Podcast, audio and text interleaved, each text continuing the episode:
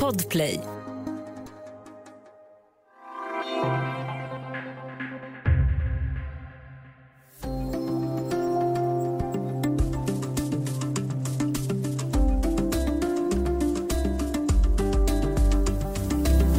För 20 år sedan avkriminaliserade Portugal användandet av droger.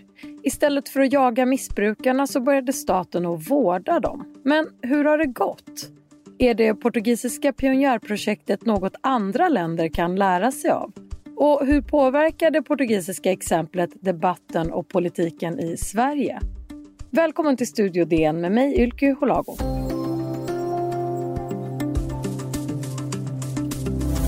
Och idag har jag med mig Henrik Brandao Jönsson, Dagens Nyheters Latinamerika-korrespondent. Just nu på plats i Chile. Men vi ska alltså prata om Portugal, eller hur Henrik? Absolut, det är Portugal som gäller. Vi börjar med en väldigt grundläggande fråga. Eh, kan du redogöra för oss hur lagarna för eget narkotikabruk ser ut i Portugal? Ja, alltså de är ju väldigt annorlunda, i alla fall om man ser det från ett svenskt perspektiv. Det är ju så att om du, om du tycker om att röka cannabis så får du bära 25 gram på dig. Polisen kan liksom inte stoppa dig ta det utan du kan, liksom, du kan röka för att man ser det här liksom, folk som att det är ett hälsoproblem. Alltså personer är beroende av droger och då måste de ha drogerna. Så man griper inte personer.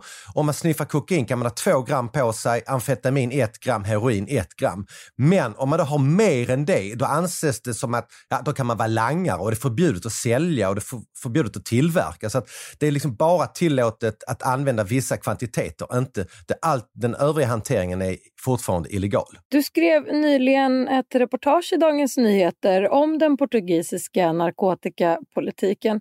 Hur märks det i samhället och i gatubilden när man är i Portugal eh, att den här narkotikapolitiken är utformad som den är? Vad var det du mötte under din senaste resa i landet? Ja, jag var ju där i höstas och man kan ju säga så när man går på Rua Augusta som är liksom stora gågatan i Lissabon. Eh, då, alltså jag blev erbjuden att köpa droger minst tio gånger.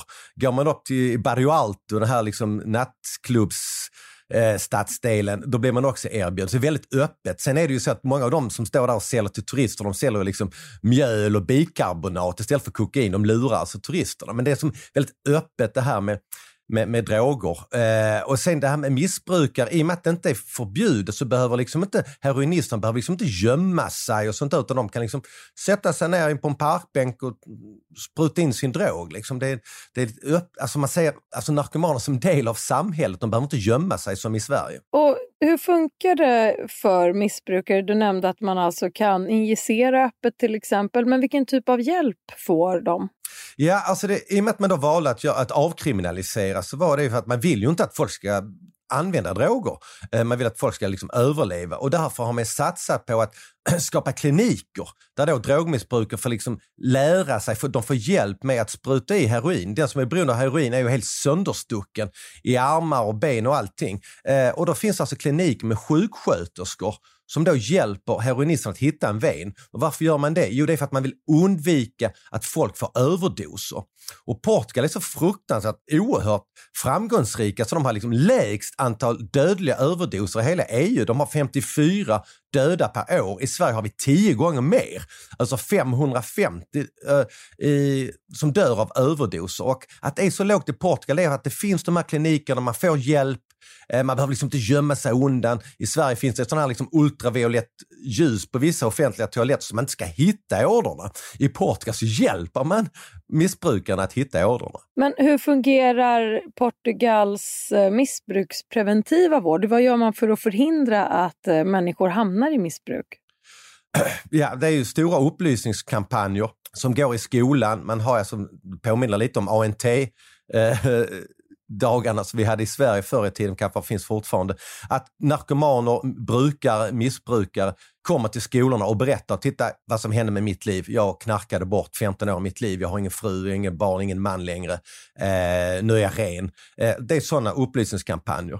Och sen är det också så att om, du, om polisen då ser att du tar de här drogerna, vilket du får lov att göra, så kan de anmäla dig till socialen eh, och så socialhjälp och då måste du, då är det lag på att du måste gå dit Och då får du en upplysning och då kan den sekreteraren där bestämma, att du behöver vård, du måste åka till en avvänjningsklinik.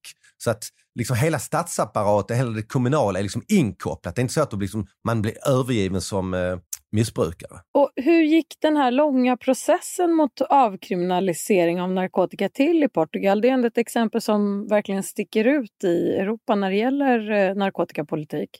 Ja, och det gör ju också för att Portugal sticker ut liksom i den europeiska politiken. Alltså vi, vi, vi, I Sverige så är vi väldigt USA-fixerade, vi tänker på Vietnamkriget, USA. Eh, Portugal hade ju ett eget Vietnamkrig som pågick under hela 60-talet och in i halva 70-talet. Där hundratusentals människor dog i Angola, Mozambique och Guinea-Bissau. Eh, och det var ju för att Portugal var en diktatur, så den här diktatorn Salazar skickade liksom hundratusentals soldater dit. Eh, och där började de använda droger. För det fanns inte droger i Portugal tidigare, medan under hippierörelsen så fanns det ju droger i Sverige, Tyskland, England. Men det fanns inte i Portugal på 70-talet för att det var diktatur. Men de här soldaterna då, de tog med sig cannabisbruket till Portugal. Så det blev väldigt poppis att, att, att röka på 70-talet. Och sen var ju många av de här soldaterna traumatiserade. Så att när väl heroin kom, när diktaturen hade fallit liksom på, på eh, slutet på 70-talet, början på 80-talet så började många använda heroin. Och det var så många som 100 000, alltså 1 procent av befolkningen. Och det var då liksom läkarna insåg att herregud, folk dör ju som flugor här. Vi kan liksom inte gripa dem, vi kan inte fängsla dem, vi måste ge dem vård.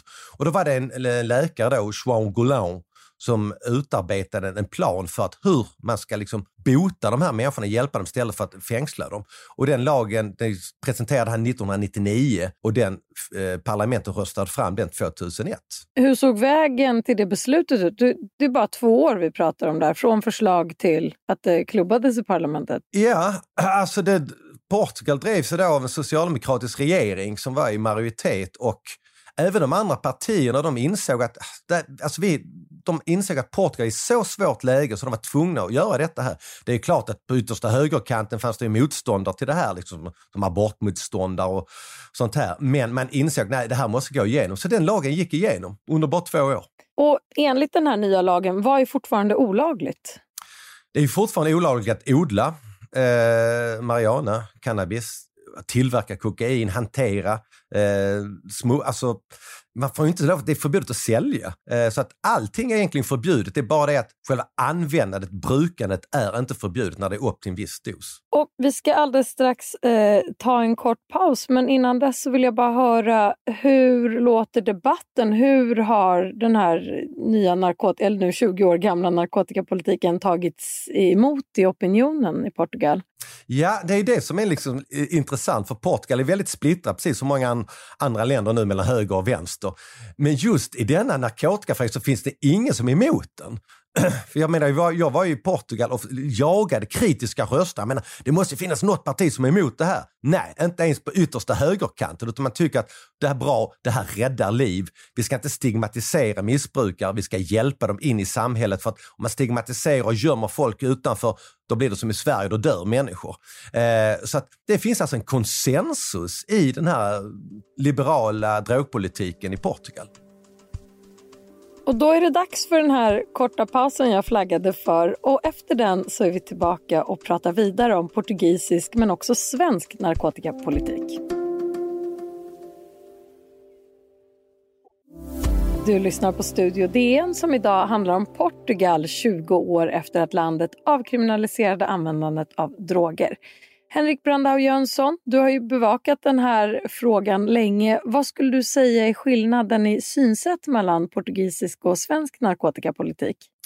Ja, den portugisiska politiken är mycket, mycket modernare. Alltså även om den här lagen är liksom 20 år gammal så är den, den är så oerhört modern och hyllad av allt från Lancet, alltså brittiska läkemedelstidning som publicerar en rapport som hyllar den portugisiska drogpolitiken och även FN.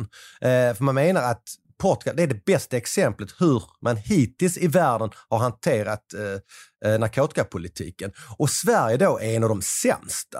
Eh, man glömmer ju det ibland, men alltså den svenska drogpolitiken har alltså inte ändrats sedan 1988.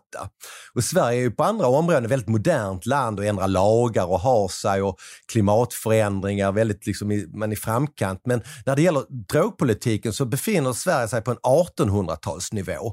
Man är nere i en, ett djupt svart hål och man håller för ögonen och man vill inte se någonting och blir lite rädd när man då läser om det här med Portugal. Alltså det här reportaget, jag har jobbat på DN snart tio år. Det här texten jag skrev har aldrig läst av så många chefer, så många människor som haft synpunkter. För att man är rädd, man är ängsligt. Oh, vi har fel. För Sverige vill ju aldrig ha fel. Men just i den här frågan så har Sverige fel eh, och vill inte riktigt erkänna det. Så att det, det, eh, det är mils, alltså man kan väl säga att Portugal är då det moderna och Sverige är det mest omoderna i, i EU. Så att det, det, är verkligen varandras motpoler och det är två länder med samma befolkning. Jag ska bara flika in här att det förstås finns eh, många olika åsikter i den här eh, frågan och vi ska komma in lite på det strax. Men vilken eh, effekt har Portugals nu 20-åriga avkriminalisering haft på, för människor? Det har ju faktiskt så att två, de har alltså minskat heroinanvändandet med två tredjedelar. Så att det är liksom oerhört framgångsrik och fått ner dödstalen eh, med 54 dödliga överdoser per år i ett land med 10 miljoner invånare det är väldigt bra och det är liksom tio gånger mindre då än i, i, i Sverige, dödliga överdoser. Så att man ser det som framgångsrikt. Sen är det ju så att folk fortsätter ju röka cannabis eh, och så, men det är just det här att man dör. Man dör inte av, av droger i Portugal som man gör då i Sverige. Du har också intervjuat Björn Jonsson, professor vid Malmö universitet som forskat om narkotikapolitik länge och han är ju skeptisk mot Portugals statistik när det gäller just dödstal. Varför är han det?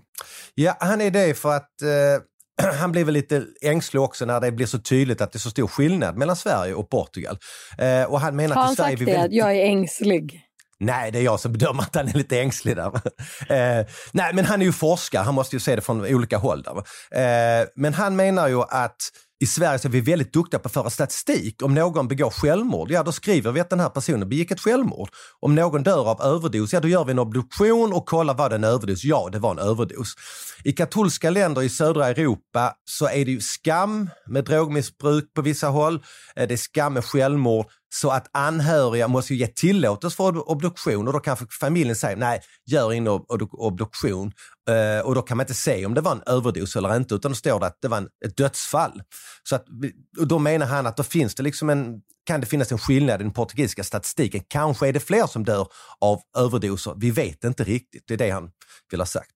Och du har också pratat med Marcus eh, Heilig som är professor i psykiatri vid Linköpings universitet och han menar att tiotusentals människor dött i onödan på grund av svensk narkotikapolitik. Eh, kan du utveckla hur hans resonemang går där?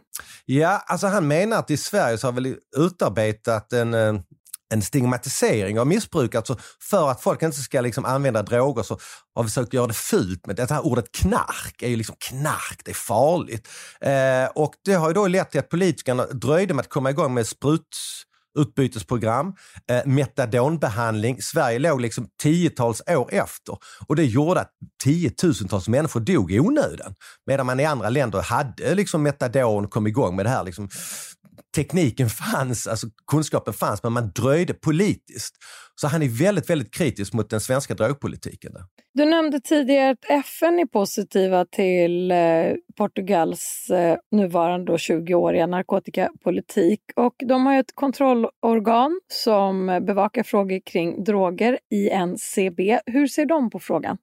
Alltså de är väldigt positiva. De tycker just att, eh, för det handlar om att rädda liv. Eh, man ska liksom inte tänka med det här med några religiösa eller moralistiska ögon, utan det handlar om, alltså du, du är diabetiker, vad behöver du då? Du behöver insulin för att överleva.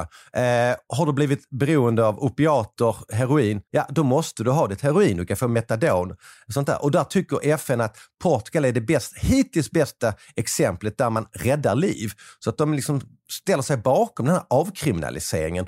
Och för svenskar så är det lite det här ordet med avkriminalisering. Många tror att det är samma sak som legalisering och det är absolut inte. Alltså, legalisering så för att vara väldigt pedag ja, precis. Eh, jag skulle precis be dig att vara extra pedagogisk och förklara skillnaden. Ja, precis. För legaliseringen innebär, som man har gjort i Uruguay och Kanada och på vissa håll i USA, det innebär att man får odla, man får lov att sälja och man får lov att bruka. Alltså hela ledet är legaliserat. Då är det totalt, då kan alla liksom göra det. Eh, avkriminalisering det är att det är fortfarande förbjudet att odla, det är fortfarande förbjudet att sälja och smuggla, men du får lov att använda det. Alltså man väljer att ta hand om de här brukarna eller missbrukarna, eh, vårda dem istället för att straffa dem. Och Det är den stora skillnaden. Men hur låter eh, de svenska invändningarna mot den typen av eh, politik som Portugal har infört? Varför vill inte Sverige ha det här? Alltså Sverige har ju legat väldigt bra till med, med ganska låg eh, användning av cannabis och andra droger och politi politikerna vill behålla alltså den här låga, att vi inte ska använda så mycket droger. Så de är rädda för att om vi gör en avkriminalisering så kommer det att liberalisera drogpolitiken och locka fler. Vi ser ju redan på den unga generationen har en helt annan inställning till cannabis än, än min generation. Eh, så att det är liksom en rädsla för att fler ska börja använda droger som att man fortfarande vill hålla det här liksom restriktivt. Och hur ser Portugal på det? Har man, hur har utvecklingen sett ut eh, när det gäller just det? Har eh, fler lockats av att börja använda droger genom eh, den här avkriminaliseringspolitiken? Eller? Nej, det är det som är det fina alltså i det här att jag menar, heroinmissbruket har minskat med två tredjedelar. Okej, det har gått ner i övriga Europa också, men det är en kraftig minskning. Vad som inte har minskat, det är ju cannabisanvändningen och i, i Portugal röker man mycket hash ligger ju väldigt nära Marocko eh, och så. Det är bara liksom ta båten över. Drogerna kommer lätt in i, i Portugal. Så att nu nästa år i vår så är det ju faktiskt så att ett parti som sitter i regeringsställning vill att man i parlamentet ska rösta för en legalisering av cannabis, att det ska bli totalt lagligt. Och det här partiet menar att man ska göra det för att nu har vi testat att avkriminalisera 20 år, nu går vi ett steg till, nu går vi till en legalisering. Eh, och Portugal har en liten politisk kris nu där och högerpartierna är ju emot detta här så att jag vet inte om den lagen kommer gå igenom. Jag tror nog inte det faktiskt i första omröstningen i alla fall. Men frågan ska diskuteras, precis som man ska diskutera den i Tyskland och många andra länder. Så många länder är på gång att legalisera cannabis. Även i Sverige så hörs ju allt oftare avkriminalisering som ett argument för att till exempel minska incitamenten att bli narkotikahandlande gängkriminell till exempel för att ta ett eh, väldigt aktuellt exempel från debatten. Och precis som du sa så finns det ett förändrat synsätt när det gäller cannabis framförallt hos den yngre generationen. Henrik, från ditt globala perspektiv, hur tror du att svensk politik kommer att påverkas av exemplet Portugal och den pågående diskussionen om just avkriminalisering? Ja, alltså jag tror det blir alltså gängvåldet i Sverige som avgör det hela. För att många i Sverige är oerhört oroliga av det här gängvåldet som bara gått igång. Och i Portugal, hur ser det ut med gängvåldet där? Vi har ju nästan inget gängvåld i Portugal. Det finns inga gäng som skjuter på varandra. Det är liksom, Portugal är, tillsammans med Österrike EUs säkraste länder. Alltså det är det, län, det land tillsammans med Österrike där minst människor blir mördade. Och Sverige är de där liksom som ligger i topp. Så att när man inser det här att den här försäljningen av droger och sånt här, det olaga, det göder våld. Det dödar människor, alltså inte genom överdoser utan genom att man bevakar sina olika försäljningsställen och sånt. Och det, det, har vi inte i Portugal. I Portugal så du går omkring och de säljer droger där. Jag vet, det är ingen som skjuter ner dig för att du säljer droger. Det gör man i Sverige. Så att jag tror att när, när man börjar prata det här liksom gängvåldet, då kommer svenska politiker inse, aha okej, okay, om vi lättar lite på det så då kanske inte de tjänar så mycket pengar. Det kanske inte blir så våldsamt med, med, med, med gängvåldet. Vi, vi tittar på Portugal. Så att, jag tror att det kan hända någonting i framtiden. Då får du komma tillbaks och berätta om det i Studio DN. För den här gången så säger vi tack så mycket Henrik Brandau Jönsson, Dagens Nyheters Latinamerika-korrespondent. Tack ska du ha. Superkul att vara med. Om du vill kontakta oss så går det bra att mejla till studiodn dn.se och kom ihåg att prenumerera på Studio DN där du lyssnar på poddar så missar du inga avsnitt. Studio DN görs för Podplay av producent Palmira Kokari Menga, ljudtekniker Patrik Miesenberger, teknik Oliver Bergman på Bauer Media och jag heter Ylky Holago.